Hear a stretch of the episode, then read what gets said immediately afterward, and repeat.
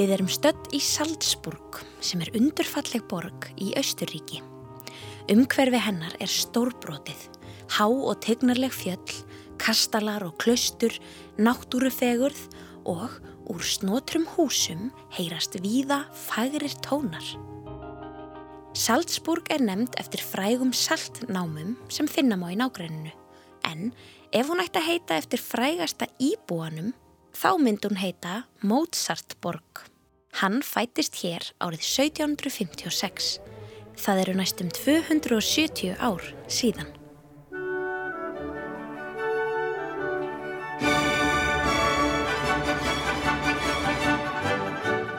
Þetta er sagan af Jóhannesi Chrysostomus Wolfgangus Theophilus Mozart eða eins og flestir þekkjan Wolfgang Amadeus Mozart. Mozart skrifaði nafn sitt rækilega á spjöldsögunar þegar hann var krakki sem eitt merkilegasta undrabarn tónlistarsögunar og síðar meir sem fullorðið tónskáld. Hann samdi yfir 600 tónverk á frekar stuttri æfi, sinfoníur og konserta, óperur, kórtónlist, tónlist fyrir einleiksljóðfæri og hópa. Hann var eitt áhrifamesta tónskáld klassíska tímabilsins í vestrætni tónlistarsögu en það var á árunum 1740 til 1820, svona um það byll. Hann var meistari í að semja eftirminnilegar laglínur, hrífandi, líflega og frumlega tónlist sem aðrir sóttu innblástur í og gera enn í dag. Hann samti til dæmist þetta.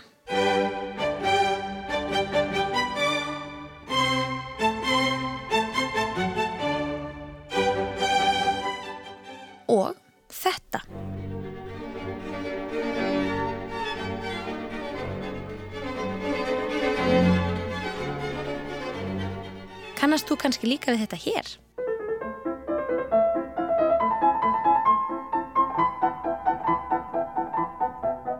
Mozart er einn söluhæsti tónlistarmadur frá upphafi. Seldi til dæmis fleiri plötur en Beyoncé árið 2016 og þó það séu 230 ár síðan hann dó er hann með 6 miljónir mánaðarlega hlustendur á Spotify. Mest spilaða lægið hans á Spotify er Lacrimosa úr hans síðustu tónsmíð Requiem sem hann var í óða önn að skrifa þegar hann dó. Það eru mjög góðar líkur á því að þú þekkir fleirin eitt verk eftir Mozart. Hafir jafnvel spilað eða sungið tónlist eftir hann eða sopnað við vögguvísu eftir hann þegar þú varst lítið barn.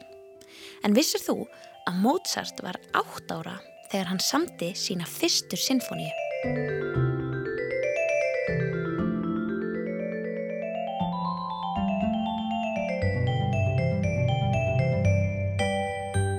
Þegar maður leitar að orðinu undrabarn á ennskum síðum Wikipedia kemur upp mynd af Mozart því hann er, eins og áður sagði, eitt frægasta undrabarn allra tíma.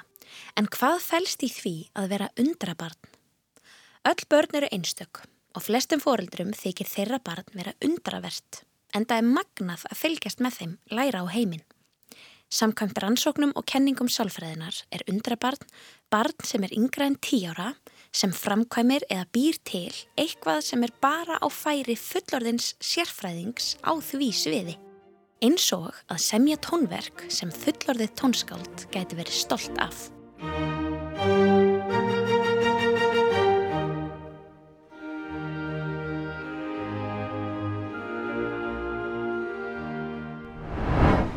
Wolfgang Amadeus Mozart fættist inn í tónlistarfjölskyldu en pappi hans Leopold vann sem þyðluleikari, tónskáld og kennari.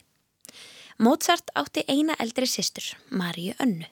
Það eru til margar sögur af Mozart, bæði sannar og ósannar.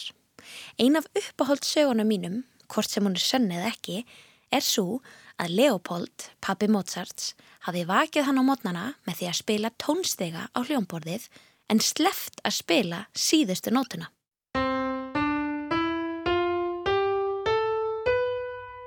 Það hafi farið svo rosalega í taugarnar á Mozart-litla að hann varð að standa upp úr rúminu, hlaupa fram og klára tónstegan. Hvaða aðferð er best til að ná þér fram úr á mótnana? Mozart-litli var tveggjára þegar sýstir hans byrjaði að læra á sembal hjá pappa sínum heima í stofu. Hvað er semball? Semball er hljóðfæri sem var notað á þessum tíma og líkist píanói dagsins í dag. Hljóðfærið hefur hljómborð og strengi. Þegar spilað er á semball toga eins konar plokkarar í strengina svo þeir hljóma einhvern veginn svona.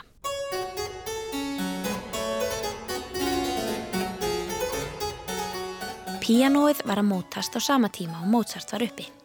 Þess vegna voru mörg mismunandi hljóðfæri með hljómborði á strengjum en þau hljómuðu ólíkt. Semball, klavikord, fortepiano, pianoforti. Allt eru þetta hljóðfæri sem komi á undan pianónu eins og við þekkjum það í dag. Marja Anna síndi fljótt mikla hæfileika í tónlist. Wolfgang, sem var fimm árum yngri en hún, hlustaði á stórusittur sína spila og fór fljótlega sína hljóðfærinu áhuga. Strákurinn síndi strax undraverða hæfileika, Guðs gjöf. Hann varði oft löngum tíma við hljómborðið, sló þrýjundir og viðbröð hann síndu að honum þótti þær hljóma vel. Þegar hann var fjögur ára fór fadir hans, meira gamni en alvöru, að kenna honum nokkra menuetta og lítil tónverk á hljómborðið. Hann gatt spilaðu án þess að rugglast og mjög fínlegan hátt. Hann helt taktinum fullkomlega. Fimm ára var hann þegar farin að semja lítil stykki sem hann spilaði og fadir hans skrifaði niður á nótur. Þetta skrifaði Marja Anna, eða Nannerl eins og hún var oftast kölluð, um æsku ár bróður síns eftir að hann dó. Hann samti þetta menuett í getur þegar hann var fimm ára.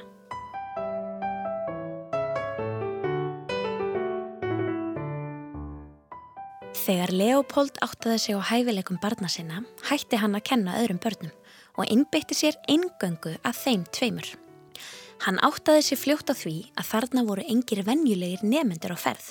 Þau síndu merki snilligáðu, voru mjög fljótt að læra nýtónverk, gáttu spilað nánast hvað sem er eftir minni, lesið og spila nótur beint af bladi og spunnið nýtónverk eins og þau hefðu aldrei gert neitt annað í lífinu.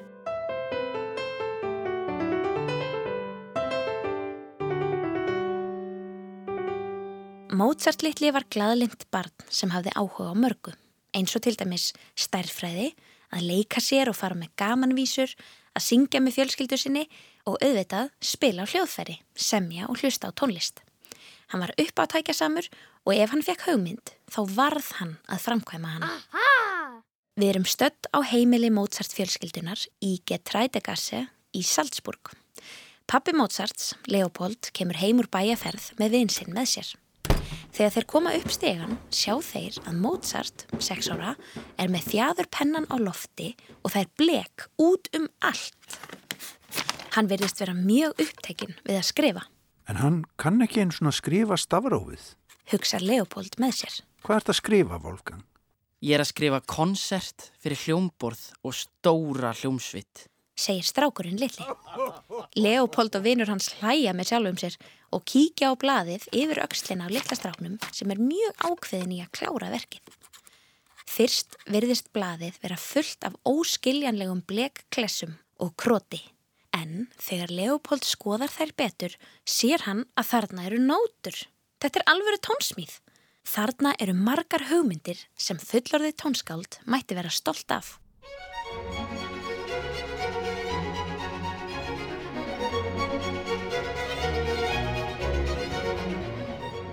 Árið er 1762 og Leopold hugsa með sér að nú sé komin tími til að leifa heiminum að kynnast undrabörnunum Wolfgang og önnu Marie Mozart. Hann skipilegur tónleika fyrir ríka og volduga fólkið, hyrðirnar og kongafólkið í Þískalandi og Östuríki. Börnin leika á hljóðfærin sín og vekja aðtegli hvert sem þau fara. Mozart litli hrífur konga og drottningar, stekkur í fang keisara inn í Östuríkis, faðmar hann á kissir og kemst upp með það. Sískinnin eru verðlaunuð með rósi og fallegum gjöfum hvert sem þeir fara. Börnin eru kátt og fjörug eins og þau væru heima á sér. Snáðin er óðara orðin hversmanns hugljúfi. Engum þó hændur að liðsfóringunum eins og hann hafið þekkt á frá fæðingu.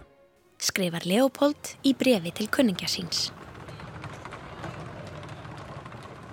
Mozart fjölskeldan helt áfram ferðalagi sínu um Evrópu í næstum tíu ár.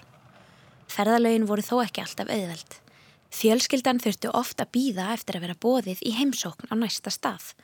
Börnin urðu veik, foreldrarnir urðu veikir, það vantaði stundum peninga fyrir mat og gistingu, vegirnir voru erfiðir og allskynns uppákomur gerðu lífið á ferðalagi erfitt. Stundum gatt snilligáfa Mozart spjarga þeim úr klípu eins og til dæmis hér. Við hefum það Wolfgang að þakka að við komumst hjá því að greiða vegtollin. Vegtollur er peningur sem þú þart að borga til að geta haldið áfram ferðalagið þínu. Hann síndi verðinum klavierið sitt og leg fyrir hann menuetta á litlu fylguna sína. Eitt af þessum tíu árum sem fjölskeldan var að ferðalagi voru Mozart og pappi hans í London. Þá var hann átta að verða nýjára. Þar kynntist hann mörgum fremstu tónskaldum Englands og samti sína fyrstu sinfoníu Sinfonía nr. 1 í Estur. Þessi hér.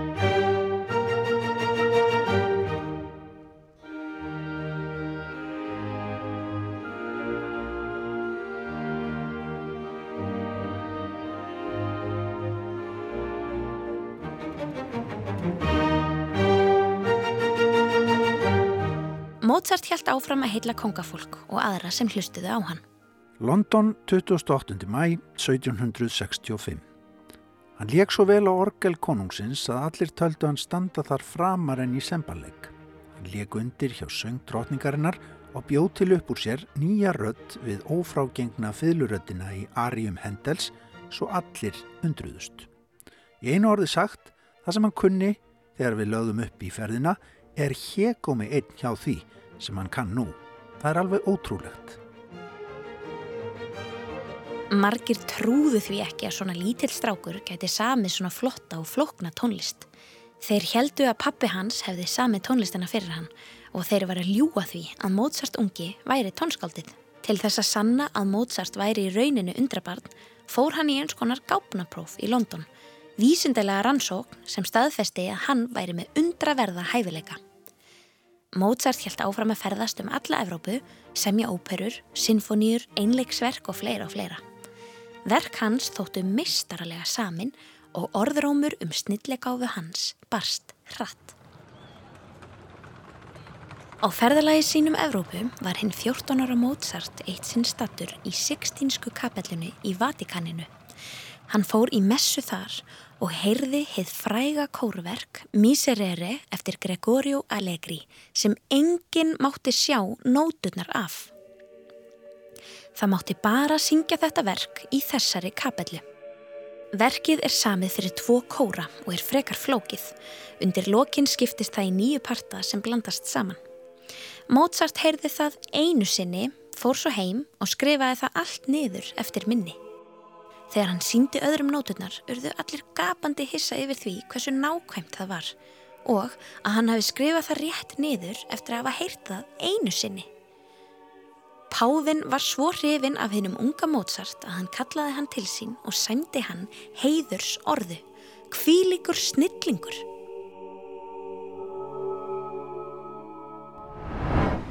Ef við miðum við að börn verði fullorðin 18 ára, þá var Mozart meðal annars búin að semja 5 pianokonserta, 7 óperur, 12 strengjakvartetta, 16 fyllusónutur og 30 sinfoníur áður en hann varð fullorðin, meðal annars. En hvað með Maríu Önnu, sýstur hans? Hún var líka tónlistasnillingur, ekki satt? Þegar hún var 12 ára, sagði Leopold pappinar. Dóttir mín getur spilað öll erfiðustu verkin sem við fáum í hendurnar, með ótrúleiri nákvæmni og fanta vel. Það sem máli skiptir er þetta, dóttir mín, þráttur að vera engöngu 12 ára, er einn af hæfileika ríkustu hljóðfaraleikurum í Evrópu. Þegar Mozart var 13 ára, hættu fóröldur hans að taka sýstur hans með í ferðalögin.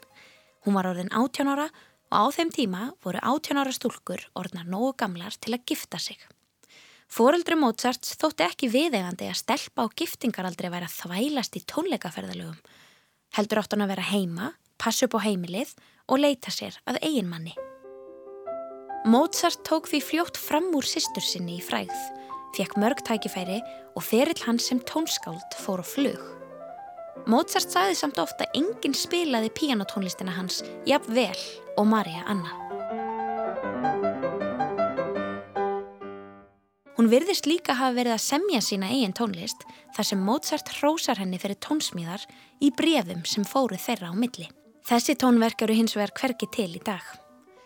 Marja Anna gerðist píjánuleikari þar til hún gifti sig og eftir það var hún heimavinnandi húsmóðir. Þetta þykir okkur ekki sangjant í dag, eða hvað? Að senda stelpur heim til sín og banna þeim að spila, semja tónlist og njóta hæfileika sinna einfallega vegna þess að þær eru stelpur og þurfa að gifta sig og eignast börn. Það getur verið erfitt að skilja hvernig fólk hugsaði gamla daga en það voru samfélagin öðruvísi þá. Hefði Marja Anna Mozart geta orðið jafn áhrifaríkt tónskáld og bróður hennar ef þau hefðu fengið jafn tækifæri? Það er engin leið að svara því. Það sem við getum gert í staðin er að gefa öllum jafn tækifæri í dag. Hvetja krakka og fullorna til að rækta hæfileika sína og uppfylla drauma sína.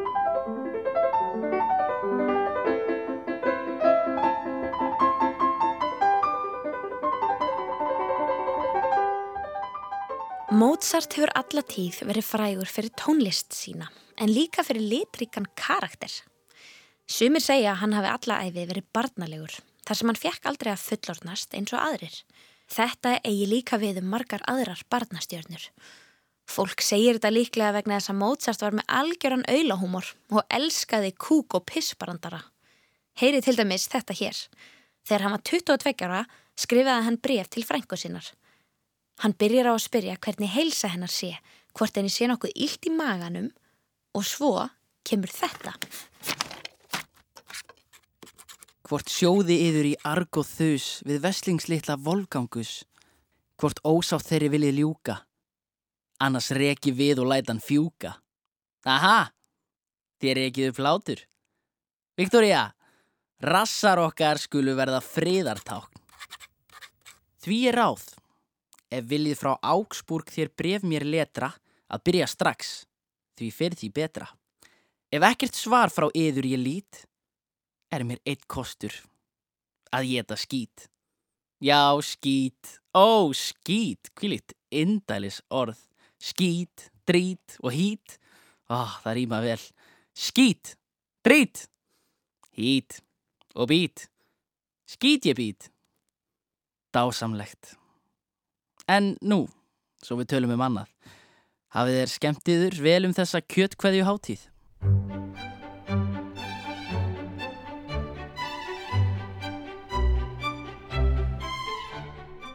Karakter hans endur speiklast í tónlistinni.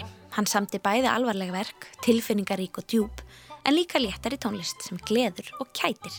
Til dæmis þessi duett úr töfraflautinni sem er ein af hans frægustu óperum. Kanski er þessi partur hérna þó miklu frægari.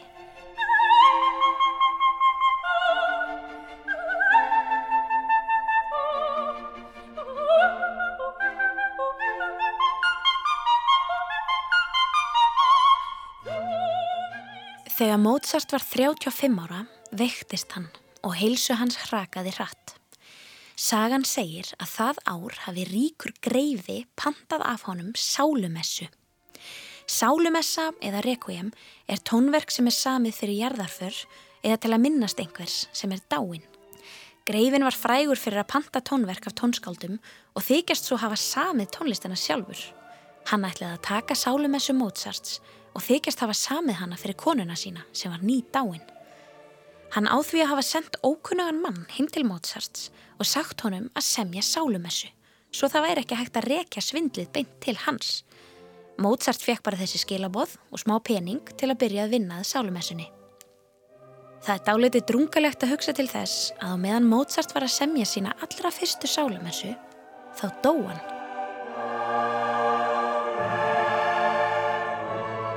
Og sálumessan lág ókláruð á skrifborðinu hans.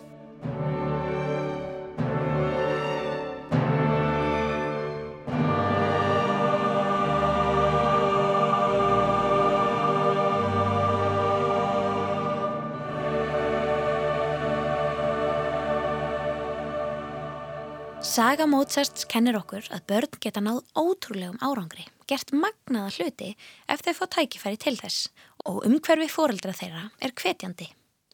Þegar Mozart fættist var ekki búið að ákveða hann ætti að vera undrabarn, Hann síndi þessa hæfileika sjálfur og hafði endalausan drivkraft til að tólka tilfinningar sínar í gegnum tónlist.